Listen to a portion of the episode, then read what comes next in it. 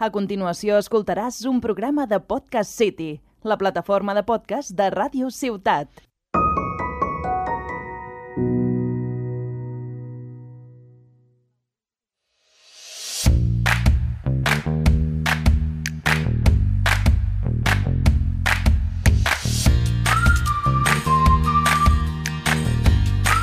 Benvinguts i benvingudes a Última Ronda, el programa on descobrireu els millors jocs de taula i els trucs per guanyar-los. Jo sóc la Irene, I jo, la Laura, i avui us presentem un joc pels amants de les trampes, la polilla tramposa. un joc molt divertit i on descobrireu habilitats que desconeixíeu. Per això hem volgut, hem volgut convidar l'Ester, qui sempre es defineix com a tramposa, però en el fons sempre acaba jugant net. Bones, Esther, com estàs? Bé, amb moltes ganes d'ajudar els oients en el joc. Genial, i nosaltres amb moltes ganes d'escoltar-te, aprendre i sobretot saber quins trucs ens portes sobre les trampes. Doncs comencem. El joc consta de 72 cartes. És petitet, però vigileu que no és recomanable jugar a qualsevol lloc.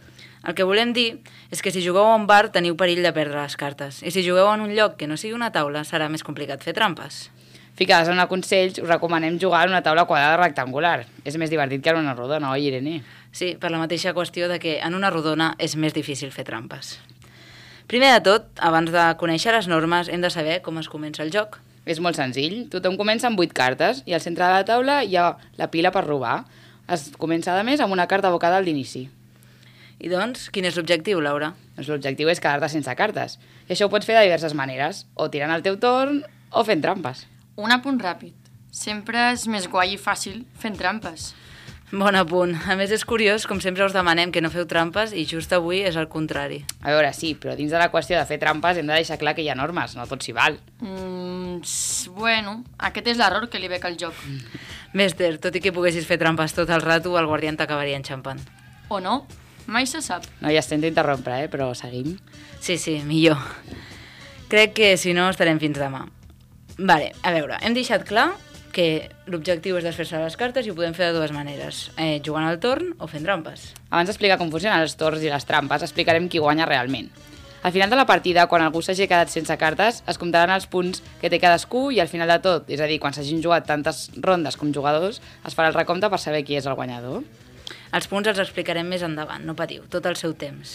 Llavors, Laura, com funcionen els torns? Al torn juguem de manera molt senzilla. Tenint en compte que els números van de l'1 al 5, sempre hem de tirar un número més alt o un més baix del que hi ha a la taula. És a dir, si un jugador tira el 2, el següent jugador haurà de tirar l'1 o el 3. En el cas de que siguin el 5 o l'1, funciona d'aquesta manera. Si és el 5, el següent jugador haurà de tirar l'1 o el 4, i si és l'1, el següent jugador haurà de tirar el 2 o el 5. En cas de no poder tirar el jugador, doncs roba una carta i passa el torn. Però no tot és tan fàcil. Hi ha sis tipus de cartes. Les primeres són les normals, les que són com grises, una mica apagades i tenen una làmpara amb petites polilles. El problema està amb les de colors. En primer lloc hi ha la de color blau. Té un dibuix d'una formiga repartint cartes, aquesta. Sí, aquesta serveix per robar, ai, per fer robar a tots els jugadors. És a dir, si tu la tires, tots els jugadors hauran d'agafar una carta i, per tant, els fastidies una miqueta. En segon, lloc, en segon lloc tenim la carta rosa, la qual té dibuixat crec que un mosquit. Aquí tots són bitxos. Sí, amb aquesta carta tothom ha d'estar atent, perquè quan la tires, la resta de jugadors han de picar a sobre. L'última persona en pica perd i rep una carta de cada jugador, inclòs tu. En tercer lloc tenim la carta groga, a la qual hi ha dibuixat un regal. Un regal que representa la carta que li donaràs a algú. És a dir, quan la tires, pots donar una carta a qualsevol jugador. En quart lloc trobem les cartes taronges, amb un dibuix d'una panerola. Aquestes són les més complicades d'explicar. Us demanarem que tingueu una mica d'atenció. Aquesta carta, quan algú la tira, permet que qualsevol altre jugador pugui tirar a sobre el mateix número que hi ha a la carta taronja. Un cop hagi tirat el número, podrà desfer-se de totes les cartes que tinguin aquest mateix número que tingui ell a la mà. Sí, és a dir, un exemple. Si surt un 3 taronja, la primera persona que tiri un 3 so a sobre tindrà dret a desfer-se de tots els tresos que tingui a la mà. Bé, Irene, ha quedat clar. I per tant, finalment, tenim la carta més punyetera, la lila, que és una polilla gegant. Aquesta carta no la pots tirar a no ser que siguis el guardià. Però, però que ara en breus explicarem què és el guardià, oi? Sí, sí, ara ho expliquem. Seguim amb, amb la carta lila. Aquesta carta, l'única manera de desfer-te és fent trampes. És important remarcar que aquesta carta no la pots donar a altres jugadors. Per exemple, si tires una carta groga, no la podràs regalar. De la mateixa manera que passa amb la carta rosa, aquella que era de picar, que us acabem d'explicar. Molt bé, doncs amb les cartes explicades i la, la dinàmica dels torns també és hora de conèixer els punts, el guardià i les trampes. Els punts són molt senzills. De les cartes que, et- que et queden a la mà, al final hauràs de comptar un punt per cada carta normal, de les grises, de les de, les de la làmpara. 5 punts per cada carta de color, menys del color lila, les quals compten 10. I són aquests 10 punts on trobem l'odi cap a la carta de la polilla lila, com hem dit, que era la més punyetera. Sí, crec que no hi ha millor paraula que odi per aquesta carta. En segon lloc, hem d'explicar el guardià, no, Laura? Sí. És aquest jugador que s'encarrega de vigilar que la gent no faci trampes. Vale, Esther? I per tant, clarament, no en pot fer ell mateix. Si t'enxampa fent trampes, et passarà a tu el rol de guardià. I a més a més, et donarà una carta seva, la qual no pot ser una lila.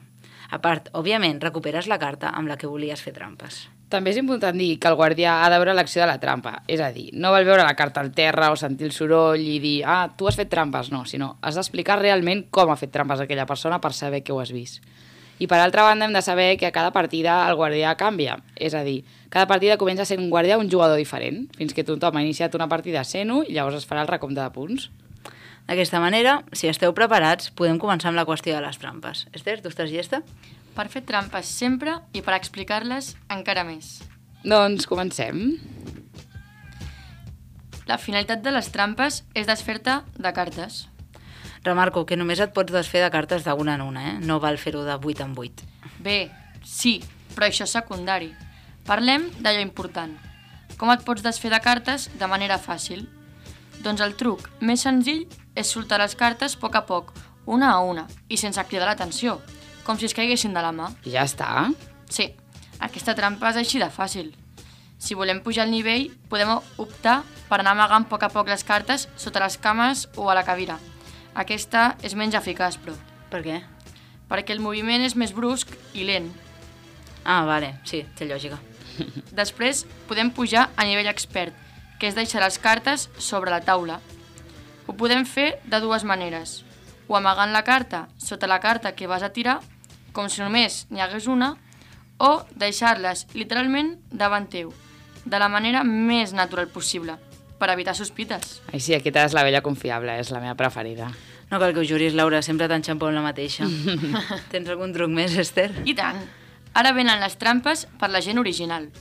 Podeu deixar les cartes sobre el cap, tirar-les de manera descarada i que amb sort no us enxampin. Regala més cartes al perdedor de la carta rosa. Com, com? Doncs, per exemple, si tu ets l'últim en picar la carta rosa, t'haurem de donar tots una carta a tu, oi? Ah, sí? Doncs jo, que sóc una tramposa, et donaré dos o tres cartes i si cola, cola. Aquesta és bona, ja la provaré. Sí, per mi és la millor. I fins aquí la meva ajuda. Ha estat genial, Esther. Crec que ara els guardians tenen la feina més fàcil, però amb tot el que ens has explicat, el joc és que està molt més divertit. Sí, a més ara ja sé com vigilar-te, Esther. No, segur que acabo aprenent tècniques noves. No ho dubtem pas. I vosaltres, oients, també. Si sabeu algunes trampes, podeu deixar els, comentaris al post de la polla, de Polilla Tramposa d'Instagram. Recordeu que el perfil és Última Ronda Podcast tot junt. Doncs ara toca explicar un moment divertit.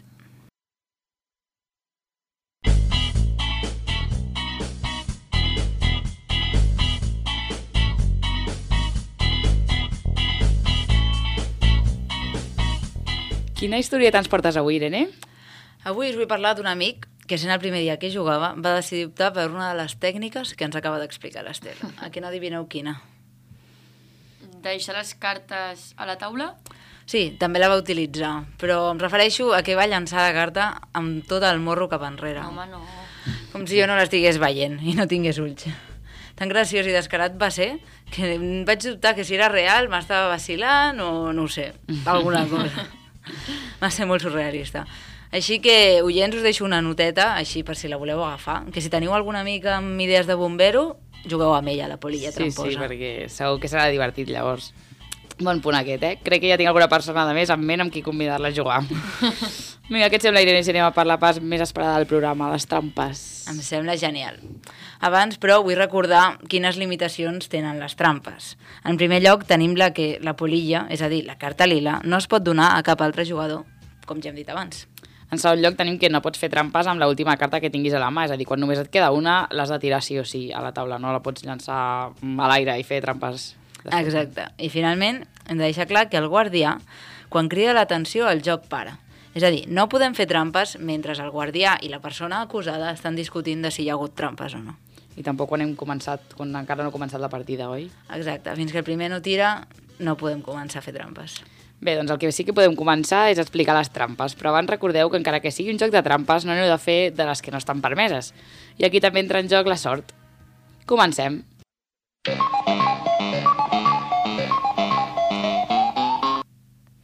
1. Coneix el guardià. No tothom és bon vigilant. Hem de saber amb quin poder fer més trampes i quins les enganxarà totes. 2. Innova amb les trampes. Si no facis sempre les mateixes, que al final t'acabaran enxampant com a mi. Que a mi la de deixar-la damunt la taula m'agrada molt, però ja se la coneixen. 3. No et despistis. Tant si ets el guàrdia com si no, vés amb compte perquè les cartes roses i taronges poden ajudar-te i si estàs despistat no vas per bon camí. 4. Desfesta de les polilles primer. Les polilles són cartes que no podem tirar al mig de la taula si no som el guardià. Per tant, han de ser les primeres en anar al terra. I 5. Ves a per qui tingui menys cartes. Sembla obvi, però a vegades ens cega la competitivitat i ens anem a, a per qui va en contra nostra. Però el millor és anar en contra de qui va guanyant, sobretot amb la carta groga. I fins aquí. És un joc molt senzill i que tots us fareu vostre, d'una manera o altra. Un exemple és l'Ester, que ja és quasi professional. Així que no patiu i a jugar. A jugar sí, però no oblideu a recollir bé totes les cartes que vagin al terra després de cada partida, a veure si us quedareu sense. Recordeu que n'hi ha 72. Molt bé, Laura, donant consellets fins al final, eh? Esther, tu tens algun consell més? Sí, feu trampes, moltes, que així és quan és més divertit. Ep, doncs ja sabeu. Moltes gràcies per vindre, Esther. Si tenim una altra ocasió, estarem encantades de que tornis. Gràcies a vosaltres. Fins aviat, Esther.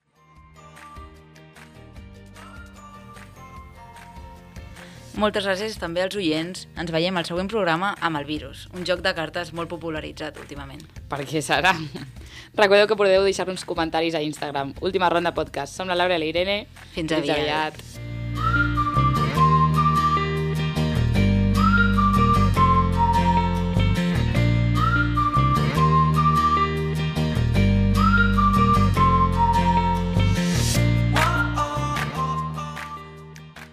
Has escoltat un programa de Podcast City, la plataforma de podcast de Ràdio Ciutat.